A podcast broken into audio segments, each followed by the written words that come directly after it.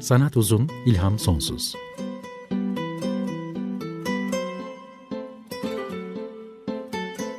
Sanat üzerine psikolojik sohbetler. Hazırlayan ve sunan Şenol Ayla.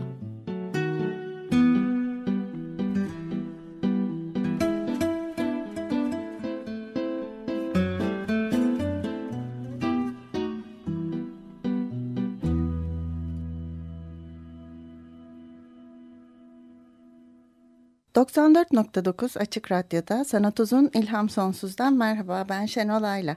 Teknik Masada da bugün Barış Demirer var. Twitter hesabımız etsanat uzun. Podcastımız var, e, program kayıtlarımız var. Hepsini Açık Radyo.com.tr'nin ana sayfasından programlar sekmesinin altından giderek bulabiliyorsunuz. E, Stephen Hawking'in 14 Mart'ta ölümünün ardından onun hayatın anlamı için söylediklerinden hareketle hayatın anlamından konuşmaya başlamıştım. Stephen Hawking ve Richard Feynman gibi büyük iki fizikçinin hayatın anlamını nerede bulduklarına baktım önce. Hawking ayaklarınızın ucuna değil yıldızlara bakmayı unutmayın e, demişti. Yaptığı iş insana anlam ve gaye verir. İşinizi boşlamayın onsuz hayat boştur diye de eklemişti. Ve son olarak da aşkı bulacak kadar talihliyseniz bunun nadir bir şey olduğunu hatırlayın ve kıymetini bilin demişti. E, derken Nobel'li fizikçi Richard Feynman hayatın anlamını bilmek ve keşfetmek e, olarak açıklamıştı. Ondan bahsettim.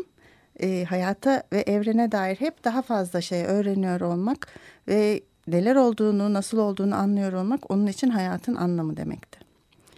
Peki başka insanlar, fizikçi olmayanlar nasıl görüyorlar hayatın anlamını? Sıradan insanlar, sanatçılar ve diğerleri. Bugün de biraz ona bakmak istiyorum.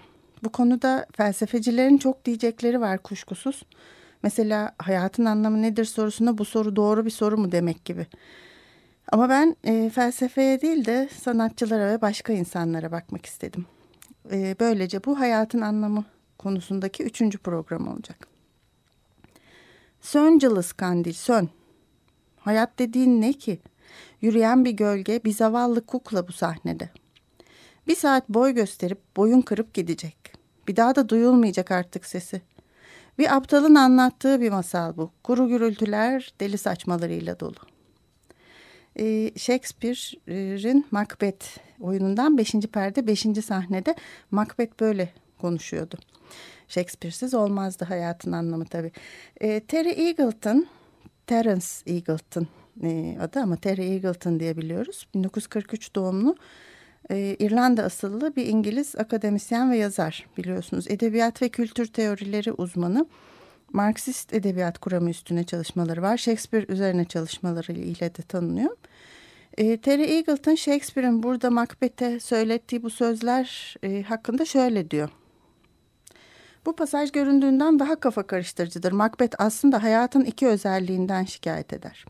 Geçiciliği ve anlamsızlığı. İnsan bu ikisi arasındaki bağlantıyı hemen görebiliyor. Hızla geçip gidecek olmaları gerçeği tüm başarıları gölgeler. Ama geçip gidici olmak mutlaka trajik değildir. Kaçınılmaz biçimde acılı sonuçları olmadan sadece ne iseler onun bir parçası olarak görülebilir bu. Eğer hoş akşam yemekleri geçip gidiyorsa zorba hükümdarlar ve diş ağrısı da geçip gidecektir. Sınırı olmayan, sonsuzluğa uzanıp giden bir insan hayatı anlamlı bir hale sahip olabilir mi? Bu anlamda ölüm hayatın anlamlı olmasının ön koşullarından biri değil midir? Yoksa öyle sonsuzluğa dek uzayan bir hayat yine de anlamlı bir hal dediğimden bambaşka bir anlama sahip olabilir miydi? Her neyse eğer hayat böyle geçici ise bu korkunç düşünce neden sizi hayata daha da hızlı geçirmeye itsin? Ee, burada bahsettiği demin Macbeth'in sön cılız kandil sön diye kendisinin ölümünü istemektedir ama aslında bu olmaz bildiğiniz gibi kendisini öldüremez. Shakespeare'in satırlarında dediği şekilde tıpkı sahnedeki bir dramatik gösteri gibi insanın varoluşu da uzun sürmez. Ama burada şunun altını çizmek istiyor. Çok uzun sürmemek bir oyunun doğasında vardır. Sonsuza dek tiyatroda oturmak istemeyiz. O halde hayatın kısalığı neden aynı şekilde kabul edilebilir değil ki? Oyuncunun biraz sonra çıkıp gidecek olması onun sahnede yaptığı ya da söylediği her şeyin değerini azaltmaz. Aksine oyuncunun çıkacak olması da anlamın bir parçasıdır. O halde böyle bakınca tiyatrodaki imaj ölümün hayattaki başarıları gölgeliği düşüncesine terstir. E, Terence Eagleton, Terry Eagleton Meaning of Life, A Very Short Introduction adlı kitabında Türkçe'de de Hayatın Anlamı e, adıyla çıkmış. E, çok kısa bir giriş Hayatın Anlamı kitabında böyle diyor Shakespeare'den girerek. Hayatın anlamına baktığı yüz küsür sayfalık küçük bir kitap bu kısa sayılabilecek bir kitap. Shakespeare'le başlamak da hmm, doğru bence. Ama e, Terry Eagleton diyor ki ortada bir sorun varsa neden mutlaka daima çözümünde olduğunu düşünmek gerekir ki? Yani hayatın anlamı nedir diye soruyorsak bunun bir cevabı olduğunu kabul etmeye gerek yok. Aslında böyle bir cevap yoktur bile diye düşünüyor. Ee, şöyle de düşünmüş kendisi. Benim sevdiğim bir kitap oldu bu. Twitter'dan da paylaşacağım link e, kitabı.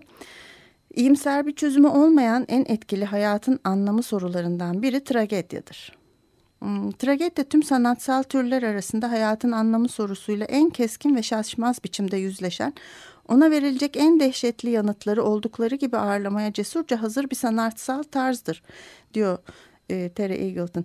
Ve e, en iyi haliyle tragedyanın insan varlığının temel doğası üstüne cesur e, düşünceler ort ortaya koyduğunu e, ileri sürüyor. Köklerini yaşamın kırılgan, tehlikeli ve bezdirircesine korunmasız olduğu antik Yunan kültüründe buluyor diyor. Antik çağ tragedya yazarlarına göre e, dünyaya yalnızca kesik kesik ve aklın zayıf ışığıyla nüfuz edilebilir. Geçmişin eylemleri bugünün arzularını bastırmak amacıyla daha doğum anlarında onlara ağırlıklarını bindirir ve insanlar onları zalimce paralamakla tehdit eden intikamcı güçlerin boyunduruğu altında kendilerini sürünürken bulur. E, yalnızca diyor gözünüzü dört açıp e, insan hayatının mayınlı arazisinde dikkatlice ve yavaş ilerleyin. Dinsel saygı şöyle dursun, çoğu kez neredeyse insani saygıyı dahi hak etmeyen zalim ve kap kaprisli tanrılara saygı göstererek hayatınızı sürdürebilirsiniz. E, belli insani güçler sürekli sizin aleyhinize dönen, sizi baskı altında tutan, kontrolden çıkarmaya çalışan bu tekinsiz arazide tutunacak bir yer bulmanıza olanak sağlayabilir. E, bu korkunç koşullarda diyor Terry Eagleton, e, Sofokles'in Oedipus e, Kral Oidipus'undaki korosu da aslında son yargıyı bildirerek e, bize şu haberi verir. Hiç kimse ölünceye sonunda acıdan kurtuluncaya kadar mutlu sayılmaz.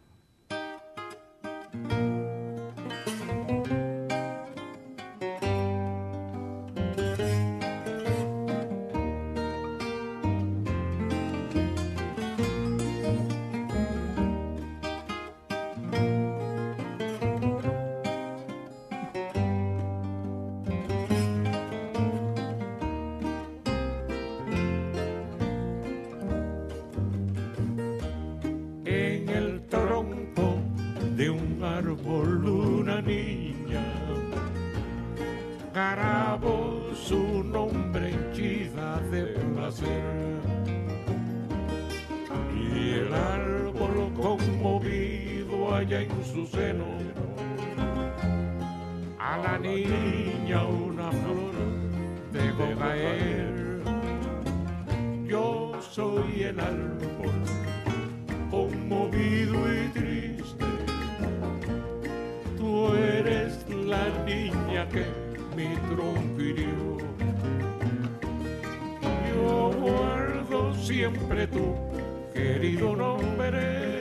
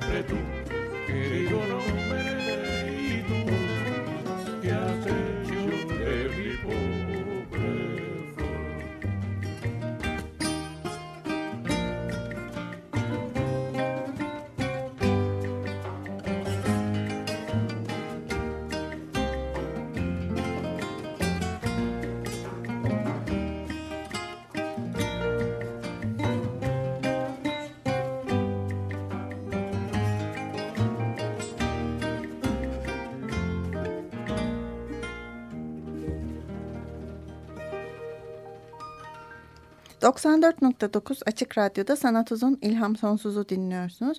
Buena Vista Social Club'dan dinledik. İttu Kehas Heso. Ee, bu parçayı daha doğrusu Buena Vista'yı niye dinlediğimizi daha sonra programın sonunda hmm, anlatacağım.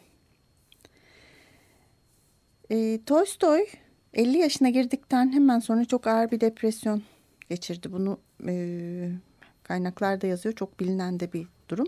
İntiharın kıyısına kadar geldiği ve hayatın anlamını yitirdiği, boşlukta kaldığı bir depresyon. Bazı yerlerde bir varoluşsal kriz geçirdiği de yazılıyor.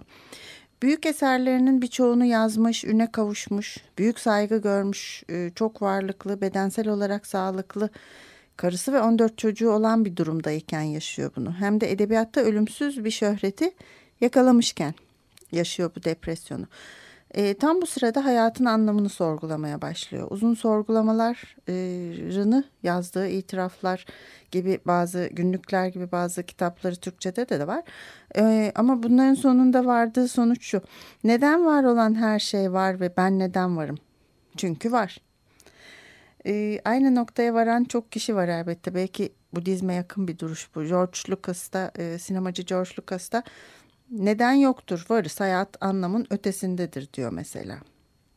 Belki anlam ararken ya da arayacaksak e, önceki iki programda yaptığım gibi bilime bakmak daha mantıklıdır. Ben buna yakın duruyorum. Yine bir bilim adamı, bilim tarihçisi, paleontolog ve evrimsel biyolog olan Stephen Jay Gould da şöyle demiş. İnsan türü bu gezegende sadece 250 bin yıldır var. Hayatın tarihinde yüzde 0.0015 yani milyonda 15'te birlik bir sürede var. Bir kozmik milin son 2,5 santimetresinde varız. Şu dünya saatinin son saniyesi dışında dünya bizsiz gayet mükemmeldi. Bu gerçek de bizi önceden tasarlanmış bir plandan daha çok kazaen burada olduğumuz sonucuna yaklaştırıyor. Evrimimize giden yol az ya da çok tuhaf, ihtimal dışı, tekrarlanamaz ve tahmin edilemezdir. İnsanın evrimi rastgele değildir. Bir nedenselliğe bağlıdır ve nedenler ve gerçekler gözetilerek açıklanabilir. Ama tutup da tarihi geri çevirir, başa sararsanız insan aynı bu şekilde yeniden ortaya çıkmaz. Buradayız çünkü bir takım tuhaf balıkların özel bir yüzgeç anatomisi vardı ve bacağa dönüşerek karaya çıktılar. Çünkü yer küre buzul çağı boyunca tamamen donmadı. Çünkü çeyrek milyon yıl önce Afrika'da ortaya çıkan küçük ve bir cılız bir tür allemedip kallemedip hayatta kalmayı bir şekilde başardı. Daha yüce bir yanıt arayabiliriz ama yok öyle bir yanıt. Bu açıklama ilk başta korkutucu değil ama en azından kaygılandırıcı görünüyor. Ama aslında özgürleştirici ve neşelendirici hayatın anlamını doğanın gerçeklerinde aram aramalı, arayamayız. Bu yanıtları kendimiz kurgulamalıyız. Kendi aklımız ve etik duygumuzla. Başka yol yok. Bunu diyor Stephen Jay Gould, bir bilim adamı. Kendisi bir anlam belirleyen insan neleri tanımlayabiliyor peki? Charles Bukowski'ye bakarsak kilisenin, devletin ve bizim eğitim sistemimizin öğrettiklerini öğrenmemek için buradayız diyor. Hatta çok şiirsel bir şekilde şöyle devam ediyor. Bira içmek için buradayız. Savaşı gebertmek için buradayız. Saçmalıklara gülmek ve hayatlarımızı çok iyi yaşamak için buradayız. Öyle ki ölüm bizi almaya gelmekten korksun. Bütün bu bilgi adam ve kadınların farklı sebeplerle burada olduğumuz ve aynı nedenle burada olduğumuzu açıklayan sözlerini okumak için buradayız. Charles Bukowski de böyle diyor. bilim kurgu yazarı Arthur C. Clarke da bir zamanlar bilge bir adam tüm insan eyleminin bir tür oyun olduğunu söylemişti. diyor ve bu oyunun en ileri formu da hakikat, güzellik ve aşk arayışıdır. Başka neye gerek var ki eğer bir de anlamı varsa e bu da ekstra hediyesi olmaz mıydı? Hayatı anlamını aramakla geçirirsek yaşamaya ya da oynamaya vaktimiz kalmaz diyor. E, Hayatın Anlamı The Meaning of Life isimli bir kitaba rastladım e, bu programları çalışırken. Life dergisinin bir yayını. Piyasada bulunabilen bir şey değil anladığım kadarıyla bulabildiğim kısımlarını okudum. Ünlü ünsüz insanlara hayatın anlamını sormuşlar. Bu alıntıların bazılarını oradan yaptım. E, orada ama çok hoşuma giden bir başka alıntıda bir sanatçı değil, bilim adamı değil. Bir berber komik bir şey diyor. Hmm, berberin adı Frank Donofrio. Şöyle demiş hayatın anlamı nedir diye sorduklarında. Hayatım boyunca neden burada olduğumu kendime sorup durdum. Eğer amacı varsa da artık umrumda değil. 74 yaşındayım ve artık çıkış yolundayım. Bırakalım da genç insanlar bunu zor yoldan öğrensinler. Tıpkı benim gibi. Kimse de bana bir şey söylememişti. Evet berber amca bunu demiş. Ee, herkes kendine anlamın ne olduğunu soruyor ve bir tanrının varlığına inananlar dışında bunun cevabı doğrusu çok çeşitli. Hmm, sonra yine en baştaki Terry Eagleton'ın Hayatın Anlamı kitabında e, şu yaklaşımı buldum ve çok beğendim. Terry Eagleton diyor ki iyi bir hayatın görüntüsü olarak bir caz grubunu ele alalım. Evet caz grubunu diyor. Doğaçlama çalan bir caz grubu diyor bir senfoni orkestrasından farklıdır. Çünkü e, senfoni orkestrasındaki gibi belli bir aynı partisyonu çalmazlar. Genel olarak her üye kendisini istediği gibi özgürce ortaya koyar, özgürce çalar. E, fakat bunu diğer müzisyenlerin kendini ifade etmelerine de izin veren bir duyarlılıkla yapar. E, her bir müzisyenin özgür müzikal bir ifadesi vardır onu çalar ve bu da diğerinin özgür ifadesi için bir kaynak oluşturur. Karmaşık bir uyum yaratırlar. Ee, burada özgürlükle bütünün çıkarı arasında bir çelişki yoktur diyor. Herkes gönlünce ve özgür çalar ama bunu bütünün çıkarının aksine yapmaz. Ama görüntü de bütüncül olanın ter, tersidir diyor. Her çalgıcı daha iyi bir bütüne katkıda bulunsa da bunu e, ketum bir fedakarlıkla değil yalnızca kendini ifade ederek yapar. Kendini gerçekleştirme vardır ama yalnızca müziğin bütünlüğünde kendini kaybetme yoluyla gerçekleştirirler. Başarı vardır ama kibirli bir başarı değildir bu diyor. E, aksine başarı e, müziğin kendisi müzisyenler arasındaki ilişkinin bir dolayımı olma vazifesinde görür diyor. E, hem sanatsal bu e, içerikten sanatsal yoğunluktan elde edilen haz vardır hem de yeteneklerini özgürce ortaya koydukları için serpilip gelişme duygusu içindeki mutluluk vardır. Ve bu gelişme karşılıklı olduğundan bir çeşit sevgiden bile bahsedebiliriz. Hem hayatı anlamlı kılan bir şey olması hem de e, böyle davrandığımızda niteliklerimizi en iyi şekilde gerçekleştirmemiz bakımından Böylesi bir durum hayatın anlamı olarak önerilse elbette fena olmazdı diyor. Terry Eagleton bu noktada işte Buena Vista Social Club'ı örnek veriyor. Grubu ve hikayesini bilmeyen tanımayan yoktur. Hmm, Kübalı müzisyenlerden oluşmuş 1996'da hmm, devrim öncesi Küba'yı müziğini canlandırmak üzere ortaya çıkmış bir projeydi. E, Wim Wenders de onların 1996'da bir belgeselini yaparak 97'de yayınladı biliyorsunuz. Hmm, birçok ödül almış bir e, film oldu ve onun da albümü ilk albümleriydi aslında. Birçok parçasını tanıdığımız e, ilk albümleri dışında bu stüdyo albümüydü. Diğer albümleri hep hmm, canlı kayıtlar olmuştu Buena Vista'nın. E, Terry Eagleton kitabına da onların bir sahne performansının fotoğrafını koymuş. E, ve ondan sonra da şöyle devam ediyor. Caz grubunu ele alarak onun hayatın anlamına yakın duruşunu anlattıktan sonra diyor ki öyleyse, öyleyse caz hayatın anlamı mıdır? Pek sayılmaz.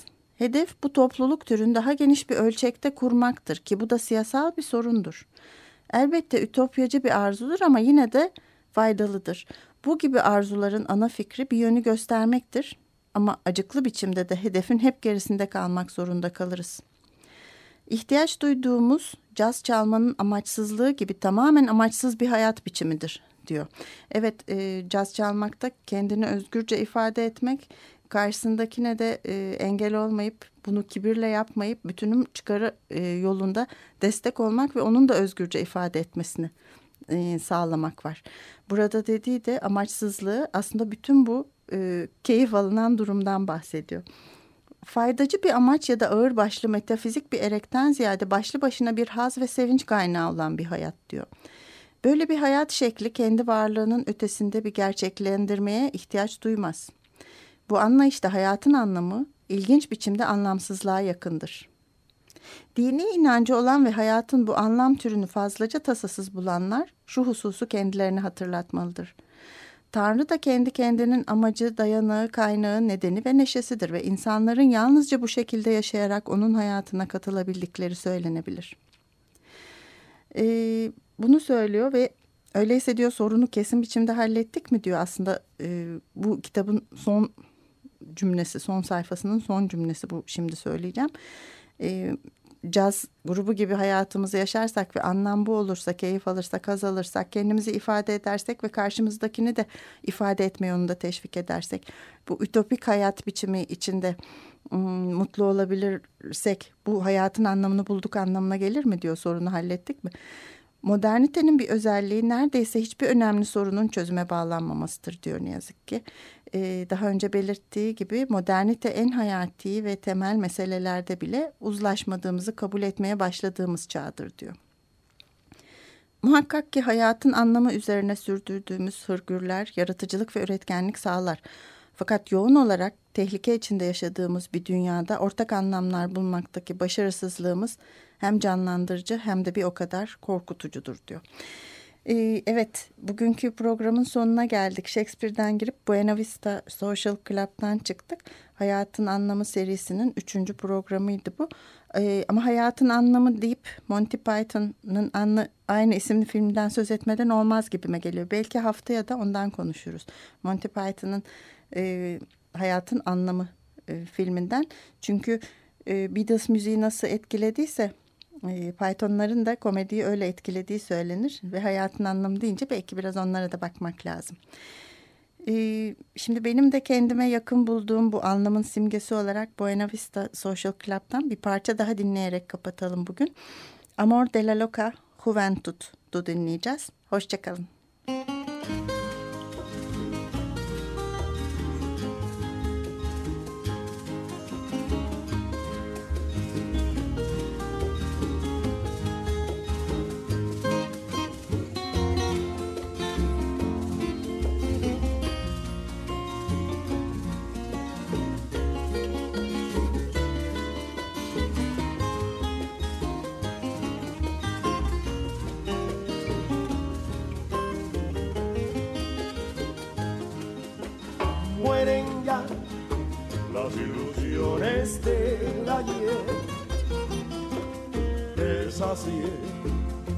Con lujurio su amor.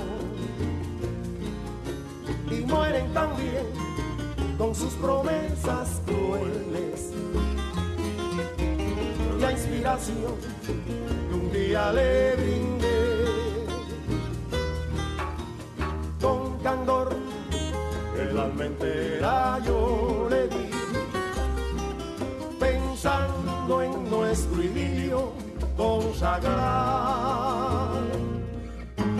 sin pensar que ya lo que buscaba en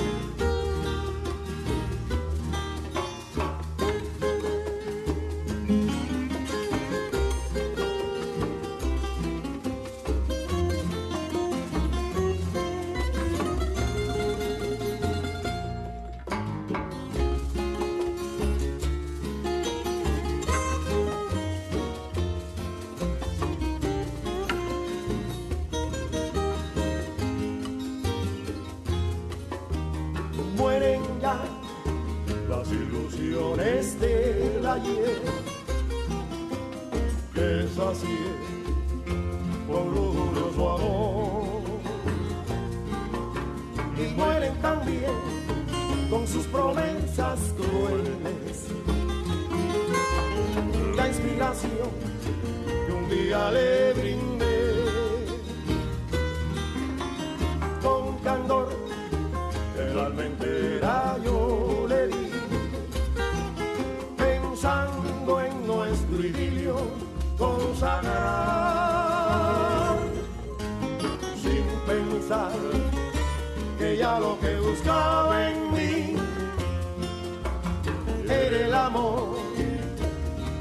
loca juventud.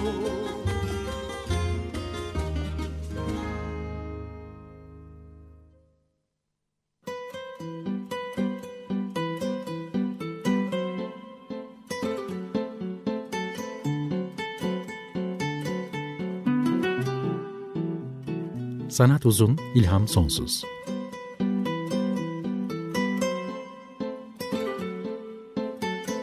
Sanat üzerine psikolojik sohbetler.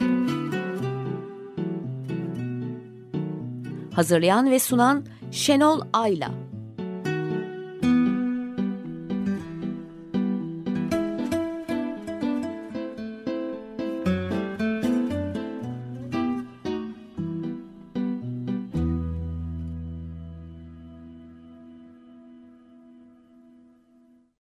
Açık Radyo program destekçisi olun. Bir veya daha fazla programa destek olmak için 212 alan koduyla 343 41 41